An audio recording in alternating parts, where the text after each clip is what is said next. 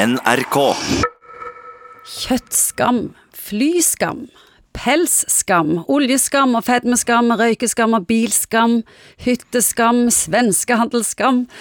Åh, de to siste årene har vi blitt fortalt fra alle kanter at vi bør skamme oss. Og jeg er så lei av skam, psykolog Egon Hagen.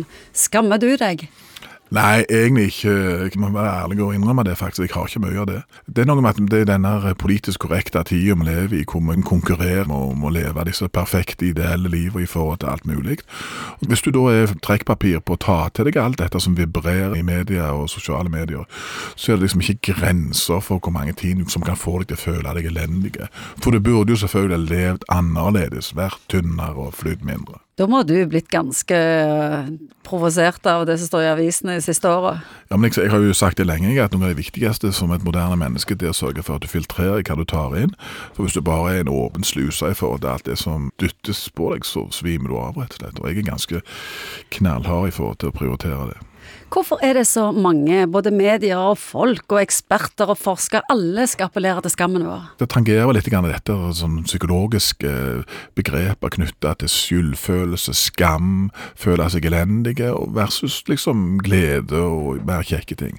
Og det er jo sånn at denne samtida den, den pendler jo ofte mellom disse ytterpunktene. altså Løfte folk opp, og så trekke folk helt ned. Folk føler seg elendige. Folk burde levd andre liv og burde vært annerledes og alt dette.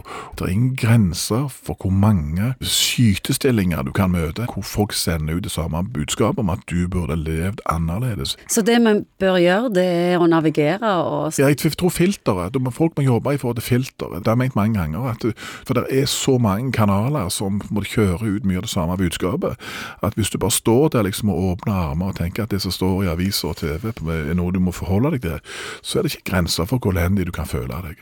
Så det å ta ansvar når det ikke er det samme redaktørtilsynet som det var tidligere, så må folk sjøl ta ansvar i forhold til hva du lar deg eksponere for. For du kan jo bli fulgt opp til denne gamle Pink Floyd-låten, altså han som sitter og ser foran denne TV-en, altså, av 50 kanaler med dritt å velge fra.